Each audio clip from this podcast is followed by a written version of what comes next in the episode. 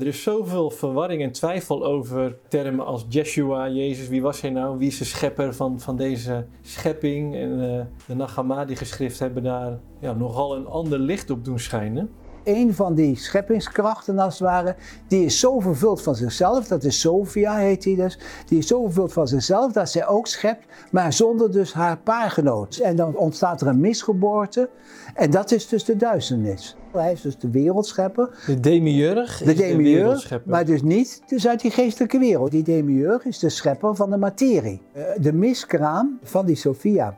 Ah. Wie de wortel van de slechte niet leert kennen, kan er ook geen vreemde voor worden. Dus je moet het wel kennen. Dus altijd die, de, de, laten we zeggen, dat boze wat we hebben, ken dat. Ken dat. Hè? Ken dus ook het kwaad, want dan kan je er wat mee doen. Dan kan je, kan je, kan je ermee aan de slag gaan. Honderdduizenden kinderen per jaar uh, verdwijnen er spoorloos. En denk, ja, en dan zitten we elke zondag weer in de kerk te bidden met elkaar en, en Jezus komt ons redden. Ik denk, nou, volgens mij vraagt Jezus ook nu iets van ons. Niet dat we wachten op hem en hij gaat alles oplossen. Ik voel een bepaalde slapheid in de mensheid, waarmee alles maar kan voortwoekeren wat er nu gebeurt aan ellende. Jezus zegt van het koninkrijk is in jullie en buiten jullie. Als jullie jezelf kennen, zullen jullie ook gekend worden. Dus hij verbindt dus de kennis van het zelf Juist. met, je zou kunnen zeggen, met het totale licht.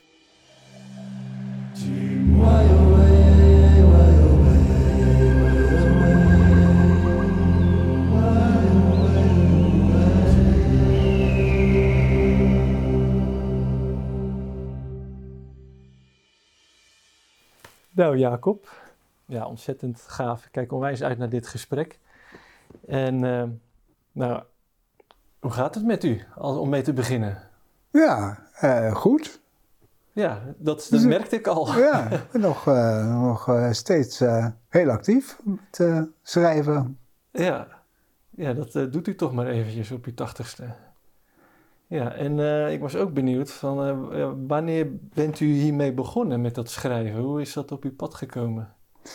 Dat is eigenlijk op mijn pad gekomen. Ja, ik schreef dus in mijn jeugd heb ik wel wat, wat uh, artikeltjes en gedichten geschreven. Maar uh, laten we zeggen, dat is niet, niet echt professioneel.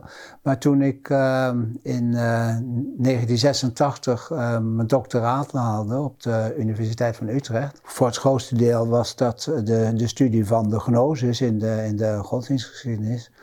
En ik, toen dacht ik, ja, ik wil eigenlijk al wat mee doen met wat ik toen geleerd heb. Want dat boeide me ontzettend en wil je dat ook doorgeven. Maar ja, gnosis, ik denk ja, misschien dat ik in het onderwijs, maar ja, ik had zelf kinderen in het onderwijs, ik hoorde een klein beetje hoe dat ging en dergelijke. Dus ik denk, nou, dat, dat, moet ik, dat moet ik op mijn leeftijd niet meer doen. Ja. En dus toen ben ik naar de, ik woonde toen in Breda, naar de Volksuniversiteit in Breda gegaan. En ik zei, ik wil een, een, een cursus geven over gnosis. Wat is dat dan, eh, meneer Slavenburg? Nou, ik heb dat uitgelegd. Nee, nee, dat is prima, dat is wel leuk, uh, doe dat maar. En toen ging, ben ik dus om die cursus voor te bereiden, ben ik allemaal dingen op gaan schrijven en dergelijke, wat ik eigenlijk voor die tijd dus nooit gedaan had. En dat is mijn eerste boek geworden, dus uh, De Geheime Woorden. En dat is in 1989 uitgekomen. Ja, ja. En toen is het verder snel gegaan. Juist. Zo is dat balletje een beetje gaan rollen. Ja, ja. En van het een komt het ander. Ja. Ja, nou ja, de, ook de reden dat wij hier zijn is dat we vragen hebben. en ook dat er kijkers zijn, ja, die hebben ook vragen. We hebben ook kijkersvragen trouwens, van een aantal mensen ingestuurd gekregen. Dat is wel net mm. aangekondigd. We gaan Jacob Slavenburg ja. interviewen. Maar er is zoveel verwarring en twijfel over ja, termen als Jeshua, Jezus, wie was hij nou? Wie is de schepper van, van deze schepping? En uh, de Nagamadi-geschriften hebben daar ja, nogal een ander licht op doen schijnen ja, wat, ja, ik weet ook niet zo goed waar ik nou moet beginnen, want het is zo groot. Maar laten we eens eventjes helemaal naar het begin gaan. Het begin. Waar komt deze realiteit vandaan waar wij, waar wij nu in leven? Wat is er op uw antwoord? het is een grote vraag, maar ja, waar ja. komt dit vandaan? Nee, niet zo gauw, niet direct een, uh, een, een, antwoord op.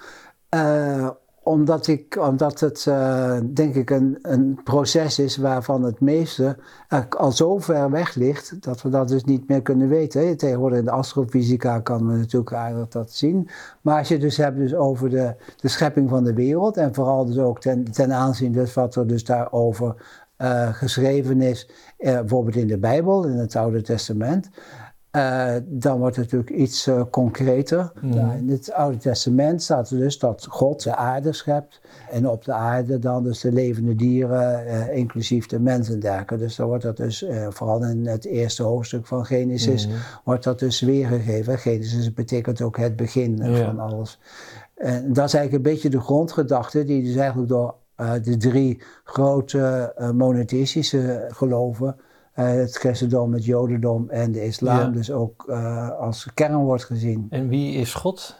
Ja, dat is natuurlijk heel moeilijk. Hè? Dus God, uh, die wordt natuurlijk heel vaak afgebeeld. Tenminste, door christenen mag dat dus.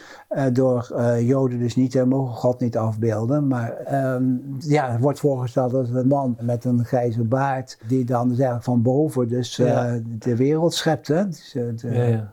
William Blake heeft ook zo'n mooie, uh, mooie tekening daarvan gemaakt. Hè, dat God zich voorover met een passer. Dus de wereld dus, uh, dus baart als het ware. Dus eigenlijk, je zou kunnen zeggen, uittekent en dan wordt dat een levende werkelijkheid. Ja, en is dat dan echt de oorspronkelijke bron? Er wordt nogal eens een verschil gemaakt tussen wie wat heeft geschapen? Je bedoelt tussen de dieren of de planten en dat soort dingen allemaal? Of, uh, nou, ik heb wel eens begrepen, zo, wij hebben Willem Glaudemans ook geïnterviewd. En die heeft met u samen de Nagamadi-geschriften vertaald. En op het einde van de, onze podcast liet hij vallen dat deze aarde geschapen is door een lek vanuit de bron. Maar het was helemaal op het einde van het gesprek. Uh, ja. Ik ben daar niet meer op ingegaan. Ja, Het was al een heel intens gesprek. Uh -huh. Maar ik zou er wel op voort willen beduren. Van wat, wat bedoelde hij dan met lek uit de bron? Ja, nou, dat is, eigenlijk, dat een verhaal wat je ook in de, de Nakamadi-geschriften tegenkomt. Dus uh, je zou het ook een gnostisch verhaal kunnen noemen. Het is niet alleen een verhaal, het was hun opvatting, daar, dat, dat geloofden ze dus ook innerlijk heel sterk. Dat er een, een soort lichtwereld is, waar verder dus niets is. Eigenlijk een soort, een soort algemeen bewustzijn zou je kunnen zeggen. En um, die, die, die wereld, dus de, de wereld, je zou zeggen, de, later hebben ze gezegd dat is de wereld van geest, hè, de, geestelijke wereld. Daar is dus de centrale uh, kracht erin, die, waar alles eigenlijk uitvloeit. Dat is dus, dat, die noemen ze dus ook geest of pneuma. En uit die adem van geest, uh, want als dat, laten we zeggen, dat zo zou zijn gebleven, dan zou dat verder natuurlijk nooit bekend zijn en geen uitstraling hebben. Dus er komt een uitstraling dus uit de adem van geest, die twee aspecten kent. De uitademing is de mannelijke geest. Daar wordt dan voor het eerst het, het eh, begrip God genoemd, God de Vader. En eh, bij die, uh, de, de inademing, dat is het vrouwelijke deel, daar staat dan God de Moeder. Dus zij beginnen eigenlijk al met een beeld, een geestelijk krachtenveld. Als die dus weer samengaan, en dat noemen ze dan vaak ook Christus, de gezalfde, die verbindt zich dus ook weer met een andere kracht, hè, omdat uh, daar uh, gaat men ervan uit dat alles kent als het ware dus twee polen. Een minpool en een pluspool, een mannelijk pool en een vrouwelijk pool, een linkspool, een rechtspool, dus gewoon twee. En die twee, dus die moeten dus die, die alleen dus als je samen gaat, dan kan er dus weer iets nieuws geboren worden, wat zich dus ook weer gaat splitsen en verbinden. Mm -hmm. Nou, en die scheppingsmythe van die gnostici, is het dan dus zo dat op een gegeven moment een van die, die uh, ze noemen dat eonen, je zou het ook engelen kunnen noemen, of die krachtvelden. Hè, dus, dus in, in die Nakama die geschreven wordt, zelfs wel eens een keer over 365 engelen gesproken, die dus in die, in die geesteswereld, hè, dus dat daalt zich steeds verder af natuurlijk. Hè. En dan een van die scheppingskrachten als het ware, die is zo vervuld van zichzelf, dat is Sophia heet die dus, die is zo vervuld van zichzelf dat zij ook schept, maar zonder dus haar paargenoot. En dan ontstaat er een misgeboorte. En dat is dus de duisternis. Dus de, de, de, de Gnostici hadden dus het beeld dat dus de, de, de, je had de lichtwereld. En dus uh, doordat dus dat lek in die lichtwereld, want die, doordat die Sophia dus baart zonder uh, contact met haar, met haar uh, syzygie, met haar paargenoot. Ja. Dan ontstaat dus die duisternis. En die duisternis, daar komt, wordt ook eigenlijk een soort God eigenlijk ingeschapen. Ja. die God, die heeft dus ook weer, die heeft zeven zonen en zeven dochteren die met elkaar trouwen. Het wordt eigenlijk die duisterniswereld. Voordat het te snel gaat hoor, ik probeer het echt te, te volgen. Dus Sophia heeft dan deze aarde gebaard of deze hele kosmos, deze, dit hele nee, universum? die- nee, in wezen is het zo, het gaat dus eigenlijk over de schepping van de aarde. In, de, je, natuurlijk in oude geschriften vind je nog heel weinig terug dus van, Juist. eh, van, een, van een groot heelal. Hè? Oké, dus even voor mijn begrip. Er er is een lichtwereld, Ja. de, de oorspronkelijke bron, gewoon het ultieme veld. Ja. Hoe Ja. je het ook naam, ja, je kunt er geen naam aan geven. Daar gebeurt van alles. Er worden dingen opgesplitst in paren. En een van die opsplitsingen heet Sophia en die was haar paargenoot even vergeten en die heeft Ja, de aarde gebaard. ja, Dus dat was eigenlijk vanuit een afgescheidenheid. ja. Heeft zij wat gecreëerd, gebaard. En daarmee was duisternis geboren, omdat het niet vanuit een heelheid is ontstaan. Maar het is dan wel dus de totale wereld, want het is die zeven zonen en dochters, die staan voor de zeven planeten die ze toen kenden. Hè? Dus, de- dus eh, Mars, Jupiter, Saturnus, eh, Mercurius en Venus. En is dat symbolisch of echt letterlijk? Dat zou echt letterlijk. Ik denk dat het in die tijd ook letterlijk werd opgevat. Dat hij, eh, dat hij dus. eh, eh, eigenlijk is dat natuurlijk ook weer een parallel met, met, met de Griekse mythologie. hè, Want wordt, dus dan wordt het ook letterlijk opgevat. Hè, Ja. dat, dat, dat het eigenlijk allemaal goden zijn. Hè, Mercurius en Venus en dergelijke. Dus dat, dat zou kunnen. Er zitten parallellen in. Ja. Maar wat dus eigenlijk belangrijker is, denk ik, dat is dat die, die, ehm, die, die duisternis, dus waar dat er staat, dan, dan gebeurt er namelijk iets. want dan is de aarde, die is nog niet in beeld. Want die aarde die was er al wel, maar dat was het, eh, het eh, voetenbankje van, van die, eh, die heerser van die duisternis. Die heet dus Yaldabaoth. Naam is niet zo belangrijk, maar goed, als je hem dus tegenkomt, Yaldabaoth. Dat is eigenlijk wat eh, Plato dus de demiurg noemt. Hè? Dus de wereldschepper. Hij is dus de wereldschepper. De demiurg De demiurg, wereldschepper. maar dus niet dus uit die geestelijke wereld. Dus, het is een, dus eigenlijk is een, een geestelijke god, zou je kunnen zeggen, voorafgegaan Ja. aan die demiurg. Die demiurg is de schepper van de materie. Wacht hoor, even. Hoe verschilt de demiurg van Sophia? Nou, die, eigenlijk je zou kunnen zeggen, die uh, demiurg is eigenlijk dus dat het, het, uh, de miskraam, de, wordt hij wel eens genoemd in Ja. de geschriften, van die, uh, van die Sophia.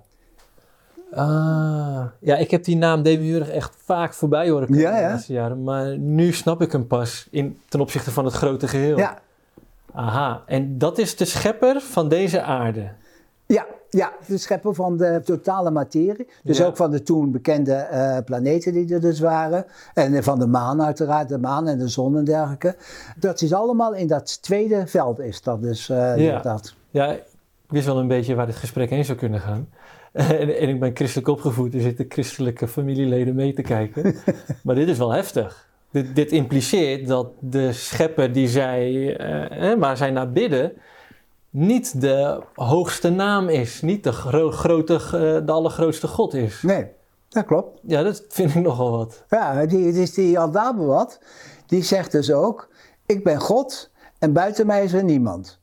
En dan wordt zijn moeder, Sophia, die zweeft dan een klein beetje tussen die lichtwereld en die duisterniswereld in. Hè? Ja. Die zegt dan, dus van, eh, wil je brutale mond wel eens een keer houden, want er is een onsterfelijk lichtwezen jou voorgegaan. Ja. En dan zegt hij niet van, oh moeder, sorry hoor, maar dan zegt hij eerst zien en dan bewijzen. Hè, eigenlijk een moderne wetenschapper had. En dan laat eh Sophia, die laat dan een straal uit die lichtwereld, een lichtstraal, invallen in die duisternis. Ja. En die demiurg, die getrouwd is trouwens met Pronoia, en die zeven zonen en dochteren, die zijn perplex. Dat hebben ze natuurlijk nog nooit gezien. En die leven in die duisterniswereld en dan zien ze alleen licht.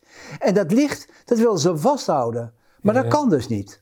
En dan gebeurt er dus in wezen, en dat is dan weer een klein beetje overeenkomstig met wat er in de Bijbel staat. Hè, dan zegt dus die Adaboat, die demiurg, die zegt, komt, laat onze mens scheppen naar dat beeld en die gelijkenis. Dus een beeld van het licht. Aha. En dan wordt dus uit de aarde, hè, die dus al bestond, hè, met dat voetenbankje dus, daar wordt dus uit de stof van de aarde, dat komt weer aardig overeen, dus wat er in Genesis staat, wordt een mens gevormd.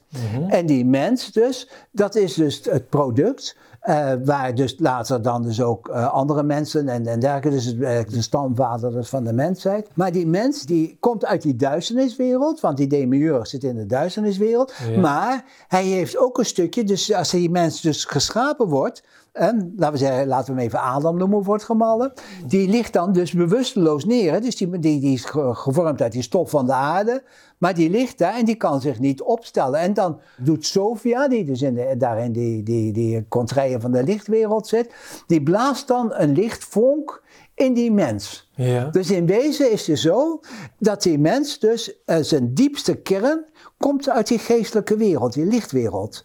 En dat, is, en dat situeren ze dan meestal in het hart natuurlijk. En dan omheen zitten eigenlijk al die lagen die dus door die duisterniswereld, door die planeten dus, hè, dus die, die, die, gevormd zijn. Dus de eigenschappen van de planeten, dat zijn eigenlijk ook de eigenschappen van de mensen. Jullie zijn ook bij Karen Hamaker Zondag geweest. Ja. Hè, die, is, dat, die is natuurlijk ook een heel groot astrologe. Nou, dan zie je dus dat, dat uh, Mercurius staat voor verbinding, Venus staat dus voor, voor liefde en wellust. En zo heeft dus iedere planeet heeft zijn eigen eigenschappen. En die worden dus ook eigenlijk, die komen dus als het ware als cirkels rond die lichtvonk uit die lichtwereld. Dus die mens die heeft dan niet alleen meer dus het licht in zich, maar die heeft dus ook, en dat noem je dan eigenlijk de ziel die daaromheen is, die afkomstig is uit die duisterniswereld. Ah, dus het wordt gevormd, je krijgt een kleur, zeg maar. Ja, ja. Vanwege de bestanden van planeten. Ja, ja. Oh, wauw. En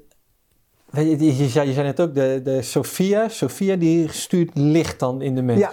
Maar hoe zuiver is dat licht, vraag ik me af. Want Sophia heeft al iets gebaard wat afgescheiden was, wat duister was.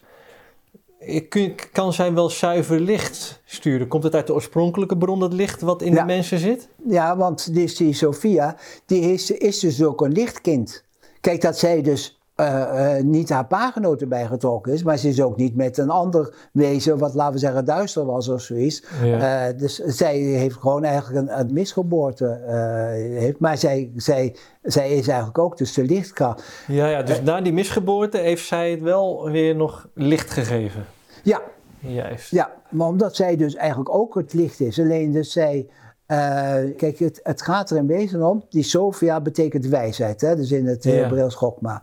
En eigenlijk is dat een wijsheid wat er gebeurt, want laten we zeggen, als dat licht altijd alleen maar licht zou zijn gebleven, zou er verder niks gebeurd zijn. Dus er is materie nodig om eigenlijk te bewijzen dat er licht is. Ja, die heb ik vaker gehoord. Je hebt het contrast nodig ja. om te kunnen ja. waarnemen. Ja. ja. En dan zie je dus dat contrast dus ook in die mens zit. Het is want hetzelfde contrast, want het licht, de geest en dus die, die uh, wat ik dan meestal de persoonlijkheidskenmerken noem, mm dus die, die, die zeven kringen eromheen, het is een zielenkrachten en, daar, en die zitten dan weer in een materieel lichaam. Dan heb je natuurlijk een driedeling van geest, uh, ziel en lichaam, hè, wat natuurlijk heel klassiek is, wat je ook in de brieven van Paulus ja. tegenkomt. Ja, mijn fantasie begint al helemaal op hol te slaan hiervan. nee, maar ook als Sophia zo'n mooie aarde alsnog weet te creëren, of de demiurg. Ja. Moet ik het even goed zeggen? Sophia baart deze aarde. En er is een geesteswezen onder Sophia, dat is de demiurg. Ja. Die heerst over de aarde, of nee? Over de kosmos. Over deze hele kosmos ja. regeert de ja. demiurg, de hele kosmos. Ja. Maar dat is dus vanuit het duister. Ja, dit is eigenlijk een duisterniswereld. Ja, en dat vind ik wel, uh, ja, wauw, want het is alsnog een hele mooie wereld.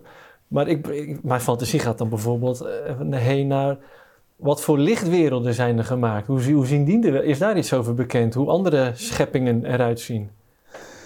Ja, kijk, je hebt natuurlijk dus in, in, in uh, veel, uh, vele oudere volkeren die allemaal dus wel een scheppingsmythe hadden. Ik heb dus een keer nagekeken, bijvoorbeeld de zondvloed, daar kom je dus wel in 40 mythen tegen, dus eh, van ver, ver buiten Israël, zelfs dus tot in, tot in Zuid-Amerika toe.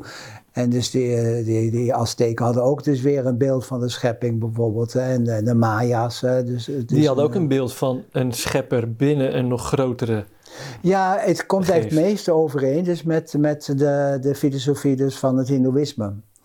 Ja. En ook eigenlijk, en, en daaruit weer voortvloeien dus het, uh, het uh, boeddhisme. Dus dat er dus gewoon eigenlijk een hemelse kracht is die eigenlijk niet te beschrijven is. Ja. Want die is eigenlijk alles in één. Het is alles en het is niets. Hè, want Mhm. het- er is nog geen differentiatie. Ja.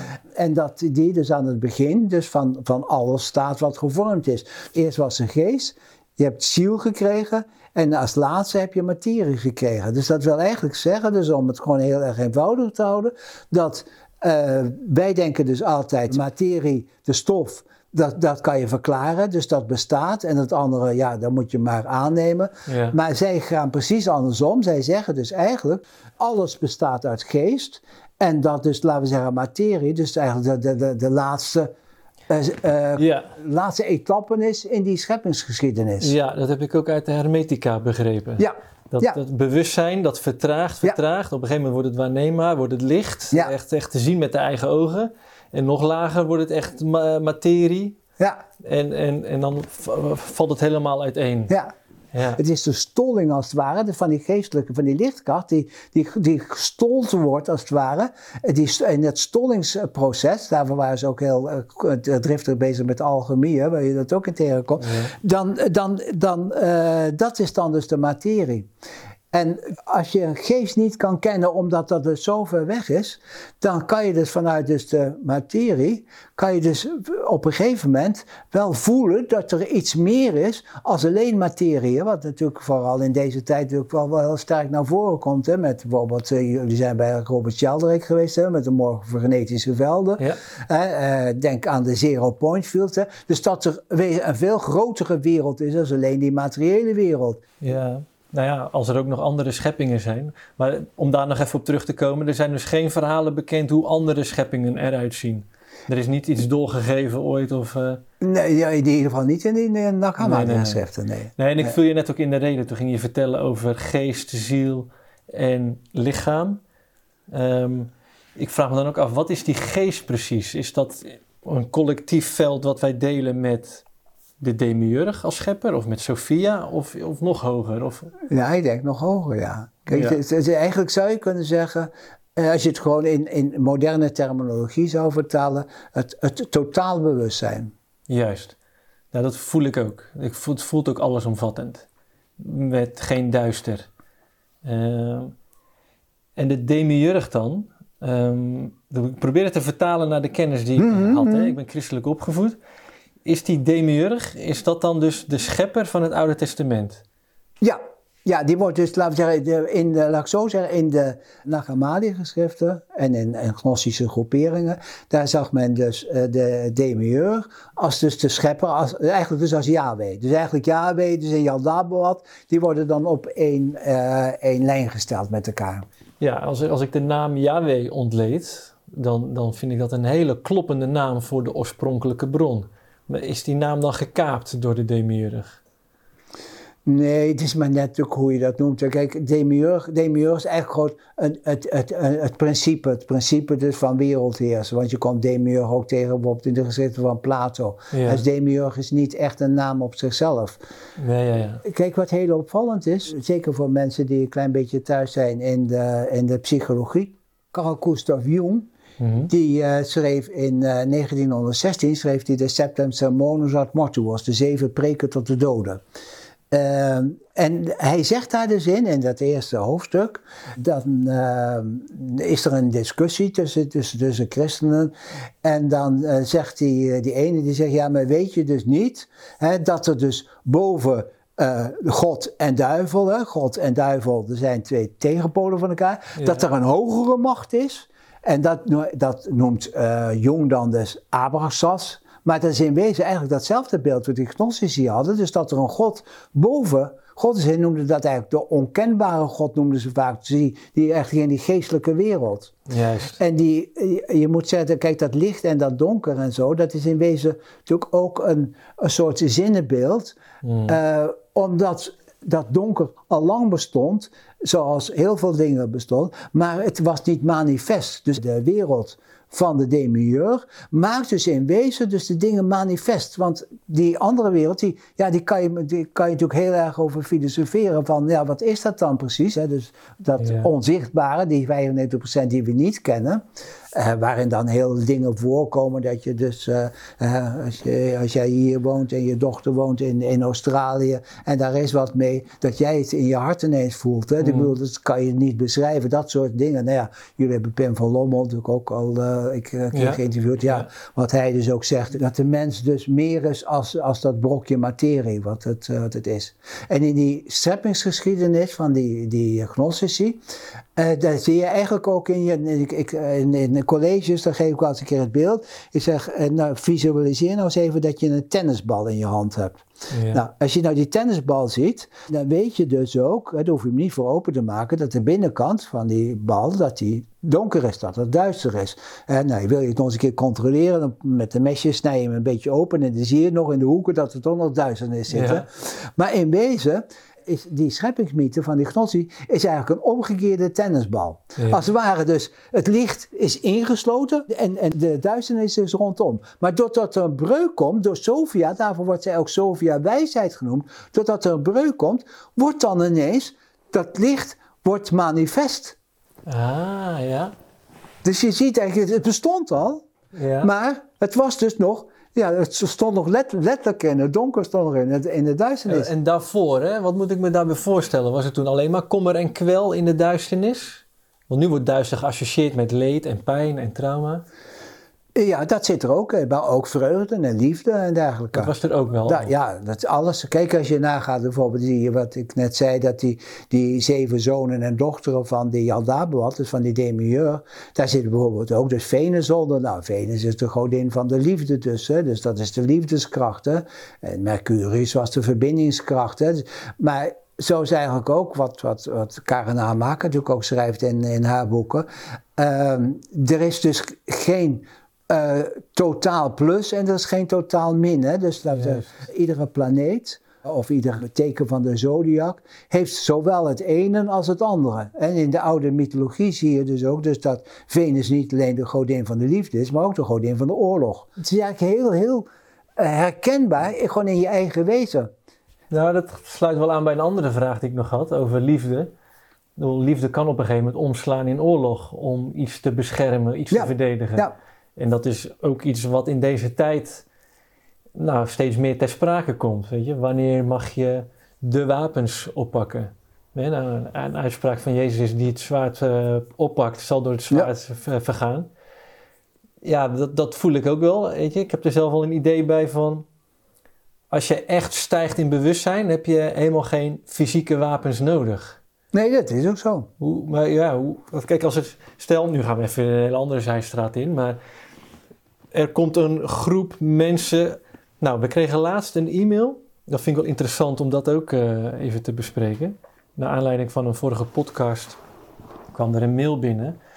Uh, we hadden een hele mooie podcast met Els Tissen opgenomen. En het ging echt over de aanvaller in het hart raken en, en doen ontdooien. En, en zij schreef, nou ja, een hele oprechte e-mail, maar ook boos, soort van.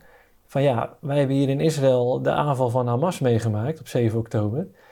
Denk je nou echt dat die mensen nog te raken waren in het hart?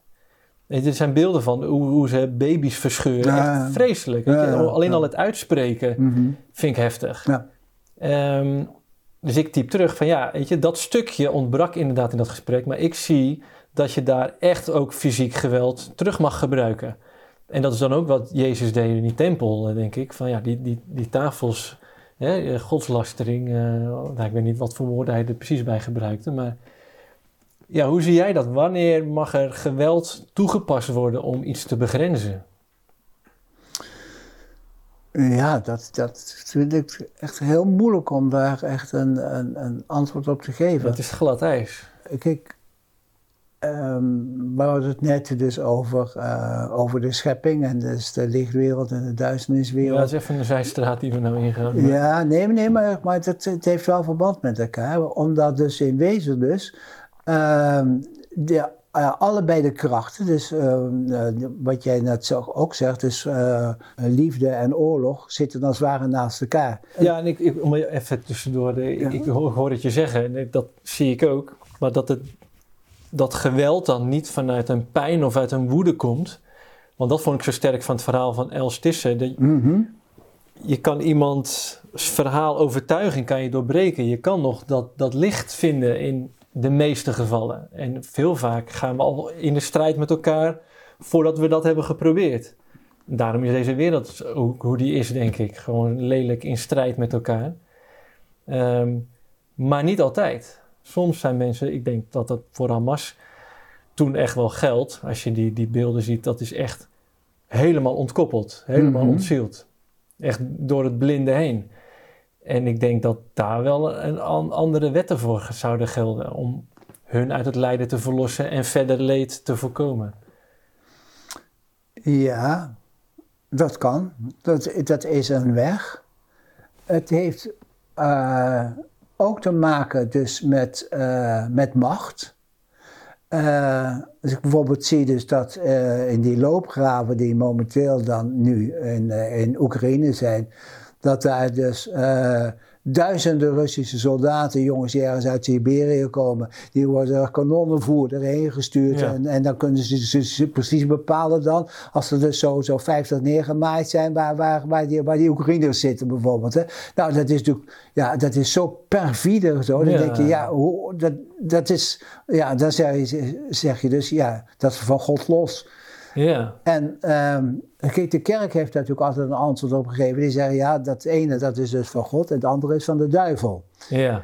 En, uh, maar dat er dus satanische krachten dus uh, werkzaam zijn in, uh, in mensen. Ja.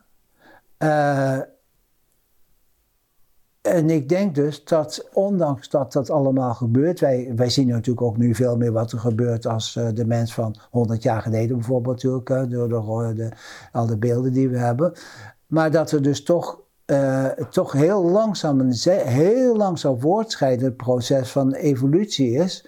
Um, als je nagaat dat, uh, kijk, ik ben historicus, dus ik kijk heel vaak dus wat er in het verleden gebeurde. Ja. Als je dus niet nagaat, dus dat, ik had het net over die christenen die dus in de, in de arena dus uh, gegooid werden, in de Romeinse tijd. Daar zat zo'n heel stadion, zat vol dus, hè, naar mensen die dat fantastisch vonden allemaal. Nou, tegenwoordig ja, je zou wel best wel eens mensen die dat heel spannend vinden en dat misschien willen zien. Maar ik, ik, ik denk dat het maar een hele kleine minderheid is. De meesten wijzen dat af. De mensen voelen echt veel meer geweten. Precies. Dat geweten is veel meer ontwikkeld. En dat is, maar dat is natuurlijk dat is een ontzettende langzame, langzame groei. Ja, maar ik voel echt dat we daar nog verder in te groeien hebben. Want dat is best nou, een weerstand die ik voel, zowel naar de spirituele beweging of New Age en, en ook de christelijke wereld van ja, waar ligt je grens? Hoe ver wil je het laten gaan? En, en um, heel veel leed denk ik dat we dat niet hoeven aan te trekken als onze verantwoording. Maar ja, er, er spelen zoveel dingen gewoon, nou ja, bij wijze van spreken om de hoek. Waar eh, iets in betekend kan worden, maar niet betekend wordt. Eh, bijvoorbeeld eh, kindermisbruik, gestructureerd, mm. georganiseerd. Ja. Waar de bewijzen van zich opstapelen en, en, en, en justitie van verdacht wordt, maar van weg blijft kijken en, en ze zelf zich mengen in onderzoeken naar zichzelf. Ik, ja, dit, dit gebeurt bij jeugdzorg, bij asielzoekers. Er worden kinderen weggejat. Honderdduizenden kinderen per jaar eh, verdwijnen er spoorloos. En ik, ja, en dan zitten we elke zondag weer in de kerk te bidden met elkaar en, en Jezus komt ons redden. Denk, nou, volgens mij vraagt Jezus ook nu iets van ons. Niet dat we wachten op hem en hij gaat alles oplossen ook dat bij dat verhaal heb ik mijn vraagtekens of hij als enkelvoudig mens terugkomt mhm. of als algemeen bewustzijn. Ik voel dat bewustzijn in ieder geval aanwakkeren. En ik vind het verhaal van Jezus in de tempel dus heel inspirerend. En dit is glad ijs, hè, nogmaals, want ik wil niks goed praten. Maar ik voel een bepaalde slapheid in de mensheid. Waarmee alles maar kan voortwoekeren wat er nu gebeurt aan ellende. En ik weet nu niet precies waar ik hier, hier, hiermee heen wil, maar uh, ik voel echt dat we iets nog te ontdekken hebben. En, en iets in mij zegt dat dat in de teachings of de lessen van, van Yeshua te vinden kan zijn. Want ik zie het eigenlijk nergens anders. Ik ken geen, geen enkele andere profeet of wijze die echt een dekkend antwoord geeft. Mhm. En Robert Bridgman heeft in onze podcast een keer gezegd: eh, Jezus is niet de enige poort. Hè? Je kan ook om die muur heen. Eh kreeg ik hele mooie reacties op van, van mensen. Maar ik denk dan: wie dan? Wie loopt er dan omheen en is daar? Want ik zie het niet. Ik zie eigenlijk een, een wereld in, in slapheid. Die alles maar laat gebeuren. En als er iets gebeurt, is het vanuit een wond, vanuit een boosheid. En dat liet Jezus mij juist in ieder geval. Om het echt vanuit het hart, vanuit, een- vanuit verbinding te kunnen doen.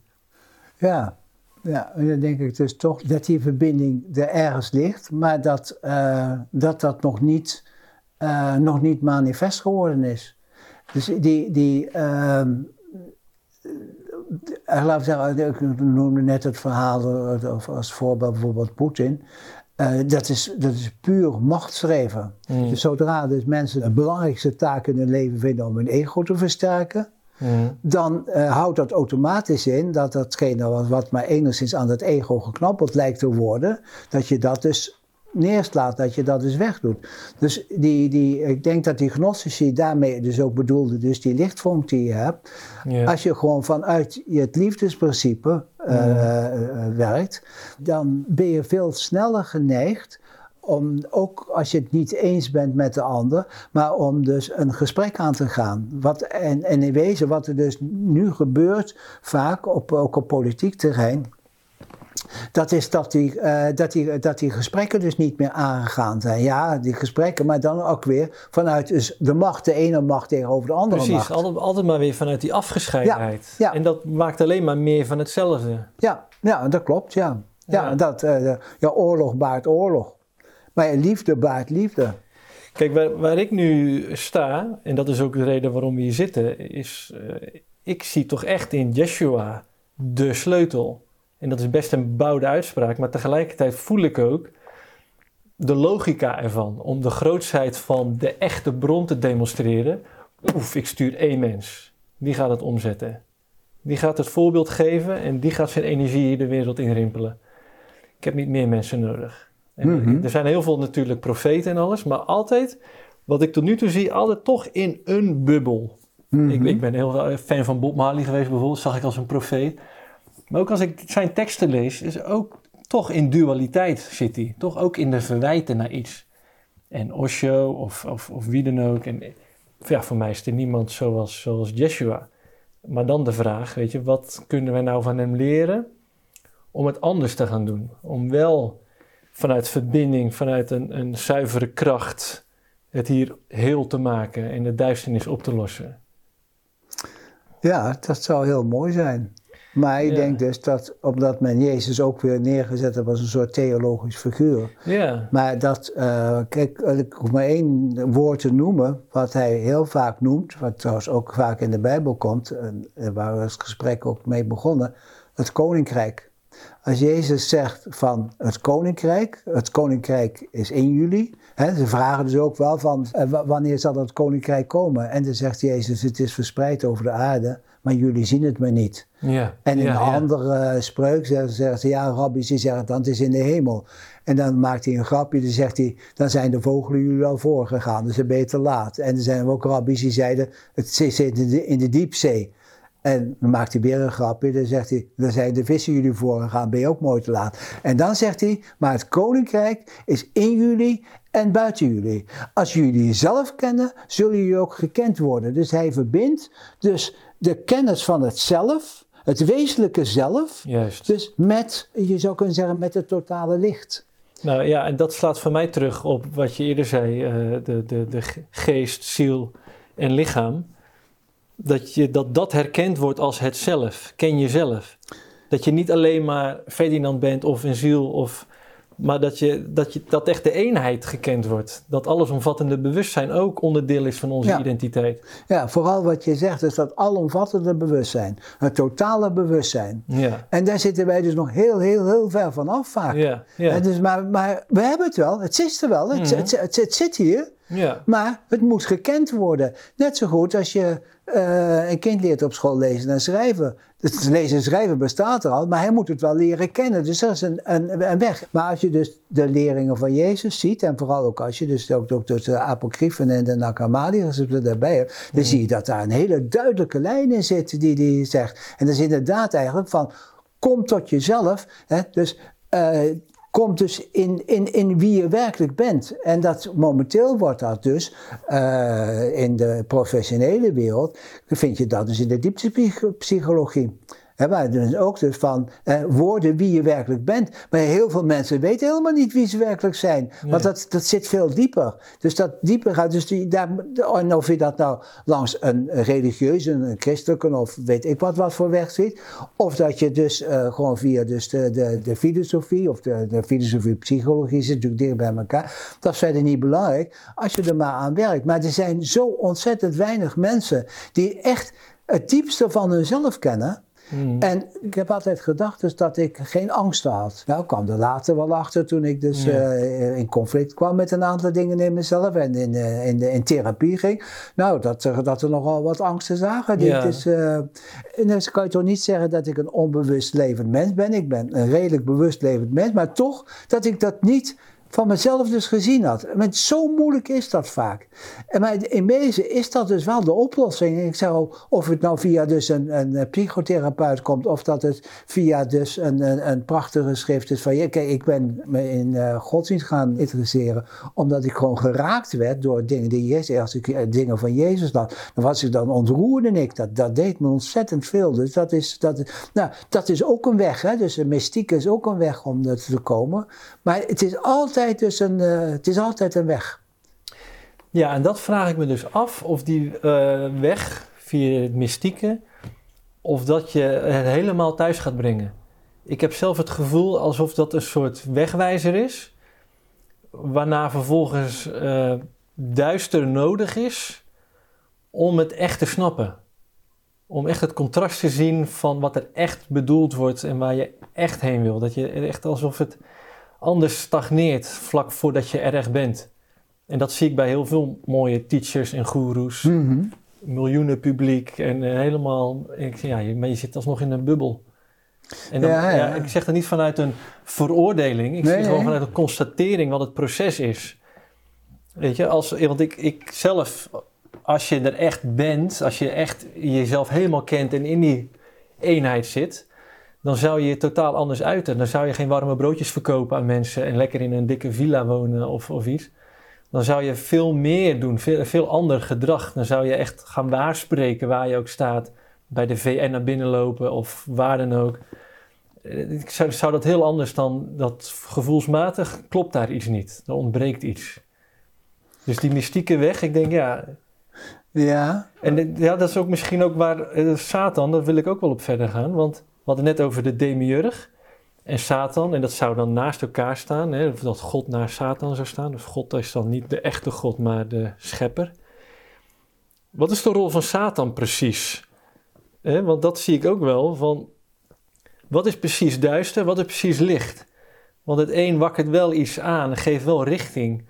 Wat anders contrast, ja, contrastloos is en doelloos blijft, blijft woekeren. Ja, nee, jij zei dus net van, kijk, ik heb dan ook wat, dat, dat, er dus, dat stukjes duisternis op die weg, die dus gaat om dus dieper te komen. Dus dat, en, um, en dat is het in wezen ook zo, die duisternis, die hebben wij in wezen ook nodig, dus uh, om dat, uh, en zeker als beeld, uh, Dag Hammarskjöld, hè, die heb je, ken je waarschijnlijk wel. Die is, uh, Dag Hammarskjöld, die was dus uh, een, de, een, van de eerste secretaris-generaal van de Verenigde Naties. Ja. En toen die stierf, toen vonden ze dus in, in was een Zweed, in, in Stockholm, in zijn, in zijn appartement, vonden ze een boekje Merkstenen. En dat is de Nederlandse vertaling dan. Hè. En hij schrijft daar bijvoorbeeld in, wat is de weg lang? Maar hoezeer heb ik die nodig gehad om mij te weten waar hij heen voert. En dat is eigenlijk ons leven. Dat, dat, is, dat, dat is ook, dat zijn van die uitspraken, daar ontroer je van. Als je dat want dan voel je, dat is waar. Dus dat, dat, is, mm. dat, dat, dat is wijsheid. En, um, die, uh, en dan, de, als je het dan hebt dus over Satan, uh, in wezen is dat een projectie die wij dus loslaten op een beeld wat groter is of machtiger is dan dat wij zijn. Zoals Jung ook in zijn, uh, zijn filosofie, en ook Freud trouwens, dus uh, eigenlijk in de vroege psychoanalyse, zei dat, ja, bestaat God? Nee, het is een projectie van ons. ons wij, wij projecteren, zeggen zij dus, hè, wij projecteren onze eigen angsten, verlangens, hoop en dergelijke, projecteren we op een beeld wat groter is als dat wat, wat wij kennen. En dat noemen we dan dus God. En het andere dus, ook het kwade, dat noemen we dan dus uh, Satan of Mephisto of hoe dan ook, hoe je dat ook dan noemen. Weet je wat, de, de boze kracht. Um, ja, ergens, die, die, dat zie ik ook, dat geloof ik ook. Steiner is juist heel sterk in uh, dat er een Lucifer-figuur ja. geweest is, echt een entiteit. En een Ariman, hè, de duivel en Satan. Um, waar komen die entiteiten vandaan? Zijn die ook geboren uit Sophia of door de demiurg geschapen? Nee, ja, er zijn natuurlijk heel veel, bijvoorbeeld in de Avesta dus van uh, Zarathustra, daar zie je eigenlijk ook al die grondgedachten dus in, hè, van de, de goede krachten en de boze krachten.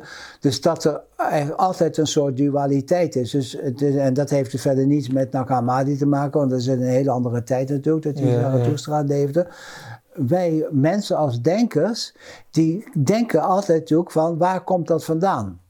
Mm. En wat natuurlijk, wat laten we zeggen, in het dierenrijk dus niet gebeurt. Je hoeft niet na te denken wat er is. Dat is omdat die dus nog sterker dus de dingen ingegeven worden. Uh, bij ons worden ook heel dingen ingegeven, maar ons denkvermogen is op een gegeven moment gesublimeerd en is eigenlijk op een gegeven moment dus tot het hoogste orgaan verheven. Wat het niet helemaal uh, juist is natuurlijk, want ons hart is in wezen het hoogste orgaan wat, wat we hebben. En, uh, maar dan, vanuit dat denkvermogen, dan, dan gaan wij dus dat soort constructies maken. Uh, maar dat heeft niets te maken in wezen, die constructies, met wat er dus eigenlijk heel diep en erg innerlijk, geestelijk, dus met, met ons en met de wereld gebeurt. Mm de, men is daar wel een beetje voor teruggekomen. Natuurlijk de klassieke wetenschap, dus na 17e, 18e eeuw, de wetenschap van de verlichting, is dus dat, ja, dat, dat, dat het, denken dus uh, bovenaan staat. Hè? Dat, en, dat het eigenlijk alles is. Hè? Dus, en, ja, ja. ja, wat, wat, wat, uh, wat Swaap dus zegt, wij zijn ons brein. Hè? Dus dat is... Uh, Swaap? Uh, professor Swaap. Oké, okay, ja. Die heeft dat boek geschreven en die heeft daar, die, hele lelijke dingen trouwens over Pim van Lommel. En wat ik altijd weer ontzettend kwalijk vind, denk ik, als je nou, goed, je mag bedenken, bedenken of, of, of dat uh, aantonen of dat dat is dat, dat wij ons brein zijn. Ja. Ik geloof het niet. Maar dan hoef je dus niet iemand zoals uh, Pim Vlommel daar dus in neer te stapelen. Dat vind ik gewoon laag bij de grond. Ja, dus dat is, uh, maar goed, dat is even een zijsprong. Hè? Dus dat, Maar zo zie je het ook weer hoe dat dus gebeurt. Hè? Dus hij wordt aangetast in zijn autoriteit hè, van grote deskundigen. En dan is er iemand, zo'n zo cardioloog notabene, die dus die, die, die, die, iets anders uh, zegt, die iets anders beweert. Dus dat deugt helemaal niet en dergelijke. En nou, dus dan blijf je dus weer altijd denken in dat machtsdenken. En uh, die, uh, dus zolang dat zo is, en uh, gelukkig zijn er dus in, later dus, uh, zeker ook in de kwantumfysica natuurlijk, en nou dus in de ontdekkingen van Zero Point, dus zijn er ontdekkingen gegaan dus dat, dat, dat niet alles zo vast ligt als dat men dus vroeger dacht. Dus dat niet alles dus uh, beredeneerd kan worden. Dat de persoon van de onderzoeker invloed heeft op het uiteindelijke proces. Hè? Of het een golfje wordt of dat het een deeltje wordt hè? in de kwantumfysica. Dus het, het, het verandert wel, maar het verandert heel, heel, heel langzaam. Ja, ja, ja. Um, ik heb ook nog wat kijkersvragen. Ja. En dat is ook wel aardig. Um, nou, de eerste kijkersvraag uh, die ingestuurd is, is van uh, Job den Dulk. Die ken ik toevallig. Nou, niet heel toevallig. en ja, die sluit ook aan bij de tweede kijkersvraag. Maar hij vraagt van, um, hoe kijkt u aan tegen buitenaards leven? En dat was ook een andere kijkersvraag van... Er is ook een Anunnaki-verhaal. Dat, ja, ja. dat de mensen geschapen zijn mm -hmm. om goud te delven. Dus uh, ja, Job vraagt daarna. En uh, Juliette Buisman ook. Um, ja, laten we daar maar mee beginnen. Ja. Hoe kijkt u aan tegen buitenaards leven en de Anunnaki? Ja, nou dat verhaal van de Anunnaki is natuurlijk een uh, Babylonische scheppingsmythe. En de Enemas Elis, ook wel de Nephilim, de reuzen van een andere planeet. Uh, omdat zij dus op hun planeet geen goud meer konden vinden. En de goud was de levenskracht. Zijn ze dus afgedaald naar de aarde in Mesopotamië. Het godenvolk wat er toen zat, die hebben ze dus overwonnen. Um, er zijn natuurlijk meer uh, delen, dat is tegenwoordig ook waar weer vrij populair. Trouwens, Jong geloofde daar dus ook in. Dus dat, uh, de, de, UFO, de UFO's, ja. hè, dus de, de, de buitenaardse Ja, tegenwoordig staat het op Netflix zelfs, bewijzen van het Pentagon. En, uh, wilde, ja, ja, tegenwoordig wordt dit mainstream om het te geloven. Ja, dus de, laten we zeggen, er moet iets zijn, laten we zeggen... Uh, je zou het buitenaards kunnen noemen, iets zijn in ieder geval wat niet bekend is. Ik, ik weet wel in, uh, Um, Klaas van Egmond, uh, die, uh, die uh, heeft een tijd lang dat hij zomers dus met een groep dus naar Engeland ging om die graancirkels te bekijken. Ja. En, dus die, en daar hebben ze toen op een gegeven moment hebben ze cameraatjes neergezet om te kijken wat er dus gebeurde.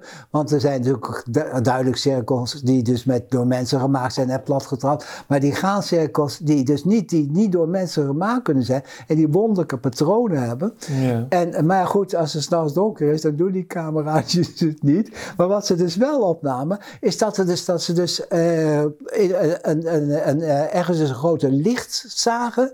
Ja. En dan gingen ze s'morgens kijken. En dan was er dus zo'n graancirkel. Dus, uh, dus dat er iets is buitenaard. Uh, ja, maar uh, de vraag is natuurlijk van, ja, uh, heeft dat dan ook een, nog een vorm? Of, of hoe, hoe, hoe, hoe, is dat? Ja, nog even een toevoeging voor, over de, de graancirkels, voordat, we, ja. voordat alle kijkers uitschakelen van... nee, maar dit is voor mij ook echt een waanzinnig thema. En, en ik heb begrepen, het, het is niet na te maken. Nee. Alleen al qua geo, geometrie, ja, ja, de, de grootsheid, de, de wiskundige dat zouden maar, hoe de, ieder graansprietje is omgebogen, is niet te doen. Ja. Ze weten niet hoe dat gebeurt. Het heeft nee, iets zeker thermische... niet midden in de nacht. Nee, dat ook. Maar het is, het is uh, enigszins te benaderen met thermische ver verwarming, heb ik begrepen.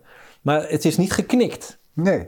En als je een gewone graanstengel pakt, dan, ja, dan ja. knikt dat om. Dus één groot mysterie in ieder. En dan die grootste symmetrieën, wiskundige details. En echt, wow.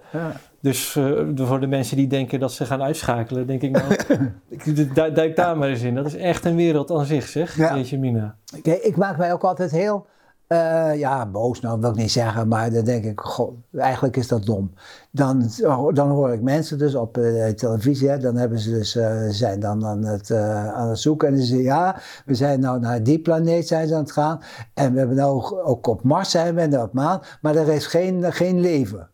En dan denk ik, wat geen leven. Ik bedoel, ja, nee, er zitten niet mensen zoals jij en ik, hè, met, met, met een broek en een kolbijtje. Nou, nee, maar daar zitten zeker geestelijke krachten in. Dat kan anders niet anders. Nee, Die hele kosmos is bezield. En ja. waarom dijt die kosmos nog steeds uit? Dus ik, dat is voor mij wel, wel zeker. Maar wat, het, uh, wat je, denk ik, niet moet doen, is daar dus dan denken dat die krachten, dus dat, die, dat je daar dus een manifestatie van, voor, van mensen of van dieren dan gaat verbinden. Maar dat er veel en veel meer is als dus wat wij dus zien, eh, dat, dat, daar ben ik van overtuigd. Ja, ja.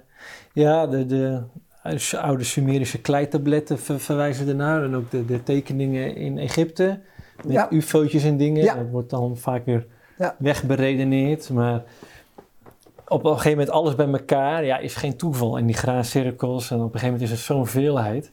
Zo complex ook. Ik denk, ja, waarom zou dit op verschillende plekken ter wereld allemaal zomaar verzonnen zijn? Wat ook nog eens overeenkomt met elkaar.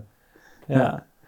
Ja. fascinerend. Denk je dat er nog een rol gaat spelen in, het, in de komende jaren? Dat we meer gaan zien van buitenaards leven? Ja, misschien wel, ja. Kijk, het, eh, wat, ik, wat het, het eigenlijk het meest interessante ervan is, is, geeft het, is, is het een boodschap?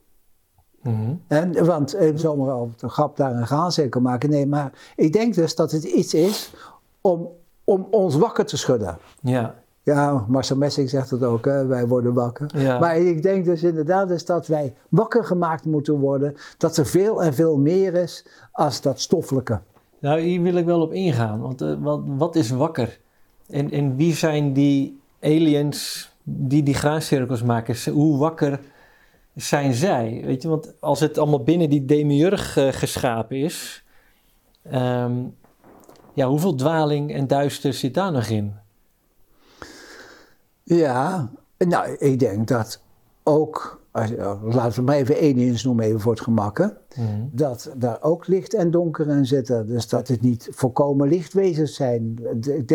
Ik denk dat heel veel dingen dus toch bestaan dus uit twee kanten. Maar wat het samenbrengt, die twee kanten, dat is dus die, die energie die het uitstraalt eigenlijk hetzelfde. Je kan hetzelfde zien natuurlijk als, als, uh, als man en vrouw samengaan. Dan kan dat leiden dus tot de geboorte van een kind. Het is eigenlijk een gezamenlijke energie die bij elkaar komt. Uh, energetisch gezien, hè, dus je hebt natuurlijk ook uh, fysiek. waaruit dus weer een nieuwe energie dus ontstaat. En om even terug te komen op die graancirkels. Daar zie ik wel een, een afspiegeling van een groter bewustzijn ook omdat die vorm van die cirkels en, en, en hoe die gemaakt zijn, mm. of wil je zeggen, dus ontstaan zijn. Hmm. Dus ik denk dus dat er, dat er entiteiten zijn die dus, laten we zeggen, in een ander bewustzijnsveld leven als dat wij leven. Ja.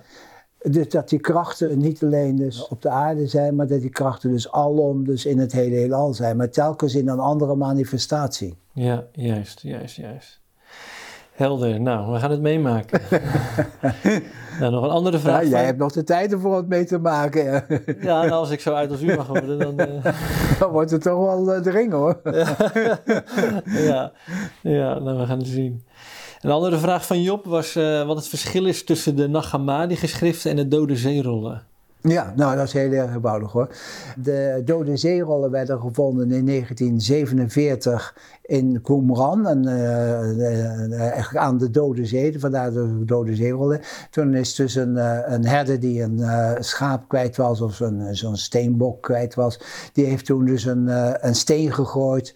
En die was een grot binnengegaan en ja, brak iets. En toen zijn daar die geschriften gevonden. En daarna werden dus in heel veel andere grotten die daar in de buurt waren, werden dus ook gevonden. Er zijn elf grotten als het ware waar men dus die dode zeerollen. Die dode zeerollen die zijn geschreven dus in de periode dus van uh, eh, 500 jaar voor Christus tot, uh, ongeveer, uh, ja, tot ongeveer het begin van de jaartelling. En wat is de kern van die boodschap die daarin te vinden Dat is heel verschillend. Het is eigenlijk een soort uh, Joodse bibliotheek. En waarschijnlijk is dat gebeurd dus doordat ze in de Joodse oorlog... dat ze dus opgejaagd werden en uh, dat ze dus hun heilige geschriften uh, dus bewaard hebben. Ja. Wat, kijk, ik heb, daar, ze, heb ze, ik heb ze daar staan, net, net boven jou staan die dode, de vertaling van die dode zeerollen. Oh ja, de dode zeerollen. Ja, ja. Staat, die, die was die, Jezus van Nazareth. Ja. Toevallig staat het hier boven. Ja, dus die hele plank die gaat over de dode zeerol.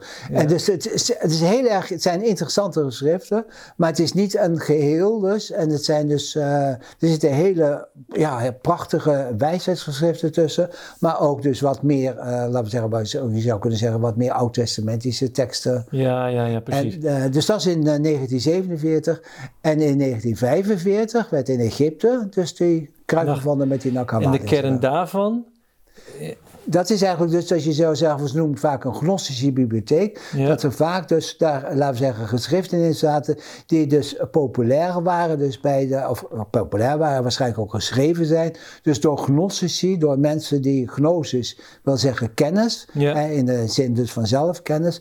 Dus die groepering die eigenlijk tot in de, de, de tweede eeuw eind tweede eeuw dus gewoon uh, bestaan heeft. Uh, met mensen als Valentinus bijvoorbeeld en Basilides, ze waren dus gewoon christelijk. Dat kon ook naast elkaar. Dus in, de, in die vroege gemeenschappen hè, daar zag, zag, je dus die, laten we zeggen, daar waren gewoon dus die gnostici en dus die, die uh, pre-orthodoxen, die vierden samen. Hey, maar het is hetzelfde als, als je hier een verhaal ziet, hij haalt er wat anders uit als dat ik er wat uithaal bijvoorbeeld. Hè. Dus zo, zo kon het naast elkaar bestaan. Ja, ja, en het grote verschil is alleen dat die gnostici daar waren dus mannen en vrouwen waren gelijk. Dat was waarschijnlijk ook in het vroege christendom, dat vrouwen dus ook dus de, de eucharistie konden vieren en dergelijke. Dus dat daar geen verschil was tussen mannen en vrouwen. Dus eucharistie?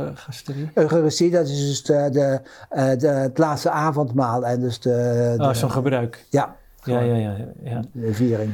Ja. Nou ja, en, en de, dus ook dat het... Uh, in de mens zelf zit. Hè? De, dus wat een beetje ontbreekt in de Bijbel voor een groot deel, En dat ontbreekt er niet in, ben ik achtergekomen. Maar voor een groot deel dat God vooral buiten je zou zijn. En de Nagamadi-geschriften wijzen ook echt naar binnen. Dat het daar ook echt... Ja. Ja, en die voel ik dus zo sterk. En als ik met kerkgangers in gesprek ga hierover, dan... Heel vaak wordt de Bijbel geciteerd. En wordt de Bijbel erbij gehaald. En dan denk juist, nee, wacht even we mogen juist die verbinding met dat leidend gaan laten zijn. En, en dat is echt waar echt nog een, uh, ja, een kloof is. Mhm. bij, bij elke kerkganger merk ik dat praktisch tot, tot nu toe. Ja, volgens mij elke kerkganger met wie ik daarover praat, staat het er echt tussen de Bijbel. En ik denk, nou, dat mag, dat mag dienend zijn. Hoe prachtig het boek ook is, het gaat vooral waar het naartoe wijst. En dat is volgens mij toch echt dat. En dan denk ik ook dat je je als mens heel anders gaat gedragen. Dat je soms dingen doet die helemaal niet zo aardig zijn misschien. Jezus heeft ook hele onaardige dingen gedaan. Een van, de, van zijn vetste verhalen vind ik wel dat hij bij zo'n schriftgeleerde bijeenkomst uh, gaat eten met, met een paar discipelen. Ja, ja. En dat iedereen zijn handen netjes gaat wassen en dat hij dat niet doet. Ja. Ja, schande. Ja. Zo wordt hij op aangesproken. En dan zegt hij, ja, jullie zijn schoon van buiten met al dat handen wassen, maar ik ben schoon van binnen. Ja, wauw, dat vind ik... ja, wat een, uh, dat is niet, niet heel aardig, Ja. weet je. Maar hij, hij, hij schoffeert om een punt te maken en om daarna echt eh, het uit te leggen ook. Maar hij laat zien het betrekkelijke, want hij zegt dus ook op een gegeven moment: eh, de sabbat is, eh, wij zijn niet gemaakt voor de sabbat, de sabbat is gemaakt voor de mens. Ja, en hij komt ook in, eh, in, eh, in Lucas, maar dat is een passage die niet meer in de, in de officiële tekst staat, maar wel in de vroege handschriften van het Evangelie van Lucas. Dat hij een man tegenkomt die op de, aan het werken is op de sabbat. En eh, dat hij dan zegt, als je weet wat je doet, dan ben je heilig. Als je het niet weet, dan ben je een overtreder van de wet. Met andere woorden, als je innerlijk, hè, omdat het, het schaap, eh, als je dat morgen uit de put haalt, is het dood. Als je nu het eh, schaap uit de put haalt, ja, dan is het innerlijk. ja. En als je wacht tot morgen, omdat dat in de, in de, in de regel staat, en een schaap dood, dan is het, eh, dus dat is het letterlijk. schijnheilig is dat. Ja, ja, ja, ja, ja. ja. En daar was hij heel sterk in, ja. ja. Ja, ik vind dat dus echt super stoer. Ja. Ik, eh, weet je, als ik me in te beelden, als ik dat zou doen, ja, dan, dan komen heel veel angsten in mij naar boven. Weet je, Ja. Maar dit waren autoriteiten. Als ik me inbeeld dat ik bij onze autoriteiten ergens naar binnen loop, van hé jongens, ik weet niet. ja, en dit, dit waren dan de, de religieuze autoriteiten. Maar hij deed hetzelfde met de politieke autoriteiten, met, Mhm. met de Romeinen, met Ja, de. Romeinse overheersers. ja zeker. En Ja. met de financiële autoriteiten bij Ja. die tempel. Ja, Hij was overal was hij gewoon eh, rebel ja, vanuit het hart. ja, een non-conformist. Ja, totaal. Ja, ja. Maar echt, ik vind dat zo inspirerend. En als ik dan kijk naar waar ik net ook van in de emoties schoot, echt in een soort boosheid over nou, de slapheid die ik in de wereld zie. Die zie ik ook als ik in de spiegel kijk. Hè? Ik zie ook gewoon de angsten die me klein houden. Ja. En ik voel dat het steeds meer eruit wil. Maar ja, laat dit ook een aanwakkering zijn van, weet je, kap met al het externe volgen, podcasten volgen, boeken volgen, maar kijk waar het heen wijst. En dat wijst gewoon naar iets prachtigs, wat echt eh, hele mooie dingen voor elkaar kan krijgen. Wat misschien lelijk er even uit kan zien, zoals wat Jezus ook eh, eh, zo mooi in die voorbeelden doet. Ja, ik vind dat te gek. Heb je nog een ander, ander verhaal van Jezus waar jij heel enthousiast over bent? Nou, wat, me heel erg geraakt is, dat is een van die spreuken in het Evangelie van Thomas, dat hij zegt, til een steen op en ik ben daar. Ja. Met andere woorden, ik, ik- Christus is overal aanwezig. Eh kloof een stuk hout en ik ben daar. Ja. En dat, dat, dat, dat, dat raakte mij. En dit is ook wat, eh, wat ook heel is, hij gebruikt dus altijd, dat zie je ook in die, in die parabels, ook in de parabels in de Bijbel, die had altijd ehm, dingen gebruikt, gewoon vanuit de, uit de natuur dus. Hè? Dus die hele Ja. en ik ben toen eh, een paar keer in Israël geweest, en, en ook een keer dus in Galilea, dus eh, waar Nazareth dus ligt. En dat is inderdaad, ja, dat is, het is een, beetje steenachtig, maar er zitten van die bloemen tussen daar zo dus, zijn. En dan die blauwe lucht zo. En dan die, die Jordaan op de achtergrond. Ja, het is, het is, het is, het is, het is heel, heel, heel imponerend eigenlijk. Niet imponerend, uh, want je, wordt eigenlijk, je komt tot, tot rust gewoon erin. Dan denk ik, kijk, als hij inderdaad in Nazareth geboren is, dat denk ik, hè, nee, helemaal niet in mhm. Bethlehem geboren, maar in Nazareth geboren is, daar zijn jeugd heeft doorgebracht, dat, hè, daarvoor gebruikt hij ook vaak dus die beelden. Is ook over het, uh, het, uh, het onkruid wat, wat, wat, wat hield en, en het mosterdzaadje en al die dingen. Dus hij is gewoon in een, in, in, een agrarische uh, omgeving is die opgegroeid. Ja. En dat gebruikt hij dus ook in zijn, uh, in zijn dingen. Dus eigenlijk zou, uh, dat zou op die klimaatconferentie nog wat een keer gebruikt kunnen worden. Dat zou ze dus misschien wel eens worden. Ja, precies. Ja, ja, ja. ja. heb jij misschien ook een boektip waar dit soort verhalen over, over Jeshua te vinden zijn? Want als ik in de Bijbel lees, ik heb ook een Bijbel thuis, dat is dan de Bijbel in gewone taal. Ja. Maar alsnog, ik vind het zo gorddroog. Ja. Zo saai. Ja. En, en ik moet er echt mijn, echt mijn verbeelding op loslaten wat het nou precies betekent en hoe gaaf dat is. Maar dat kan ook wel wat swingender, wat, wat, meer, wat, wat juicier verteld worden. Ja, er zijn een paar dingen bijvoorbeeld die uh, op Jezus teruggaan, zoals bijvoorbeeld de evangelie van Thomas, maar ook bijvoorbeeld uh, het gesprek met de verlosser en de Nakamadi geschriften, waarin uh, heeft hij een gesprek met Maria Magdalena, met zijn broer Matthäus, dus eigenlijk zijn halfbroer, en dan met nog iemand. En in die, uh, in die, dan zegt hij dus, want we hebben het dus over, wat nou over duister en over kwaad, wat er ook het kwaad wordt genoemd. Van, uh, dat je in wezen dat alleen maar dus kan uitroeien met wortel en al. Dus niet alleen de bovenkant, maar dat je diep moet graven om het dus eruit te halen. Maar dan zegt hij, wie de wortel van de slechte niet leert kennen, kan er ook geen vreemde voor worden. Dus je moet het wel kennen. Dus altijd die, de, de, laten we zeggen, dat boze wat we hebben, ken dat, ken dat. Hè? Ja, en in het boeddhisme zeggen, neem je moeder op schoot. Hè? Dat, uh, ja, heel mooi. Het is dan handen, dat is ook heel mooi. Dus ken het, hè? dus dat is, niet, dat is niet zo geestelijk van, hè, van liefde en zo en dergelijke. Nee, maar ken het. Hè? Ken, ken dus ook het kwaad, want dan kan je er wat mee doen. Dan kan je, kan je, kan je ermee aan de slag gaan. Dat vind ik een van de mooiste geschriften, ook naast het evangelie van Thomas, het evangelie van Filippus. En dus uh, de, de, de openbaring die, eh, die die geeft, dus dat is allemaal in de eerste eerste twee codices.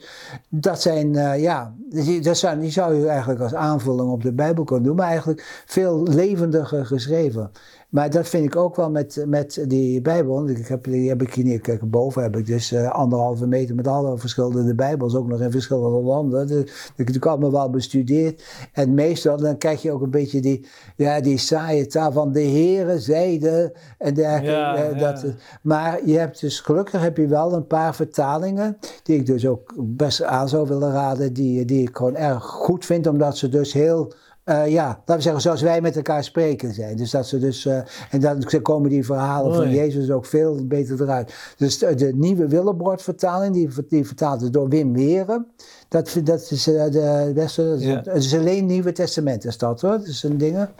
Ja, dat vind ik echt de beste. we kunnen dus de, de tips wel onder de video zetten in de tekst. Oh ja. Ja. Ja. ja. ja, ik heb nou, zelf ook nou, nog wel komt eentje bij me naar binnen. Ja. John Elridge. Oké, ja. Maar uh, wat je zegt over dat duister, ja, dat voel ik helemaal. En ik denk dat we vanuit onze eigen angsten en trauma's en overtuigingen en niet naar willen kijken, het niet willen verkennen. Ja, precies. En daardoor kan het blijven bestaan. Ja. Weet je, en dat is echt een kip-en-ei verhaal. En, en, er zit niks anders op dan daarin te groeien. Ja. Weet je, dus ik, ik, zie ook, uiteindelijk brengt het zichzelf helemaal thuis. Um, maar ja, daar zijn wel dit soort inzichten voor nodig, uh, denk ik ja, ik heb, ik heb daar wel alles aan te danken voor mijn gevoel. Mooi. Ja, ja mooi. Um, goed, de kijkersvragen. Nou, van de Anunnaki, dat even Juliette eh, Buisman hebben we gehad ook.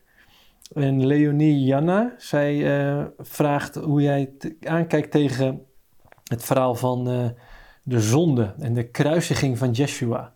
En dat vind ik zelf ook een hele interessante. Überhaupt hoe zonde in de wereld is gekomen.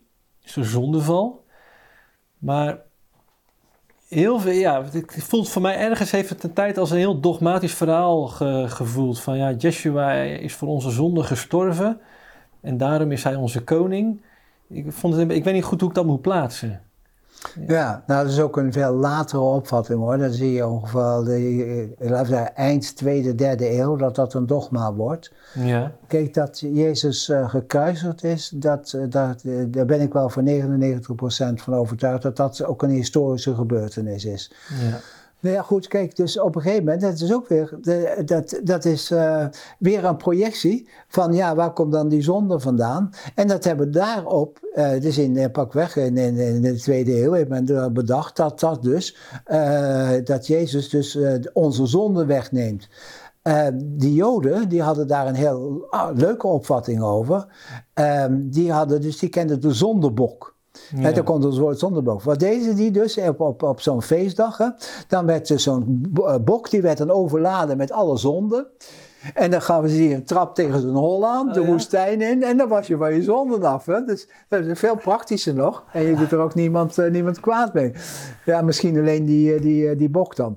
En uh, wat natuurlijk heel opvallend is, en dat is eigenlijk fnuikend geweest dus voor alle vrouwen in het christendom, dat dat dan ook nog dus toegeschreven wordt eigenlijk aan, aan, uh, ja, aan Eva. Ja, ja, ja aan Eva. Want uh, die zou dus de zonde in de wereld hebben gebracht.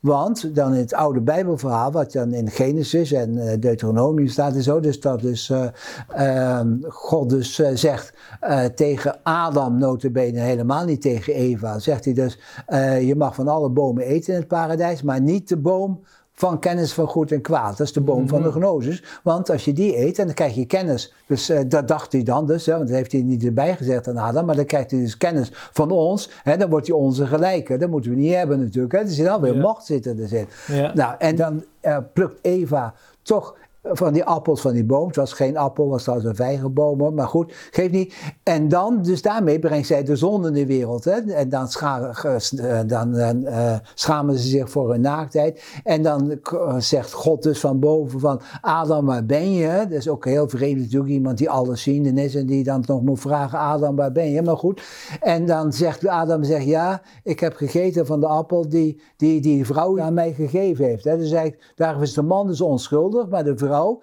die heeft dat gedaan. Dus de vrouw is een grote zonderes. En dat heeft dus heel diep doorgewerkt dus in, de, in de geschiedenis dus van het christendom, waar de vrouw dus werd weggezet.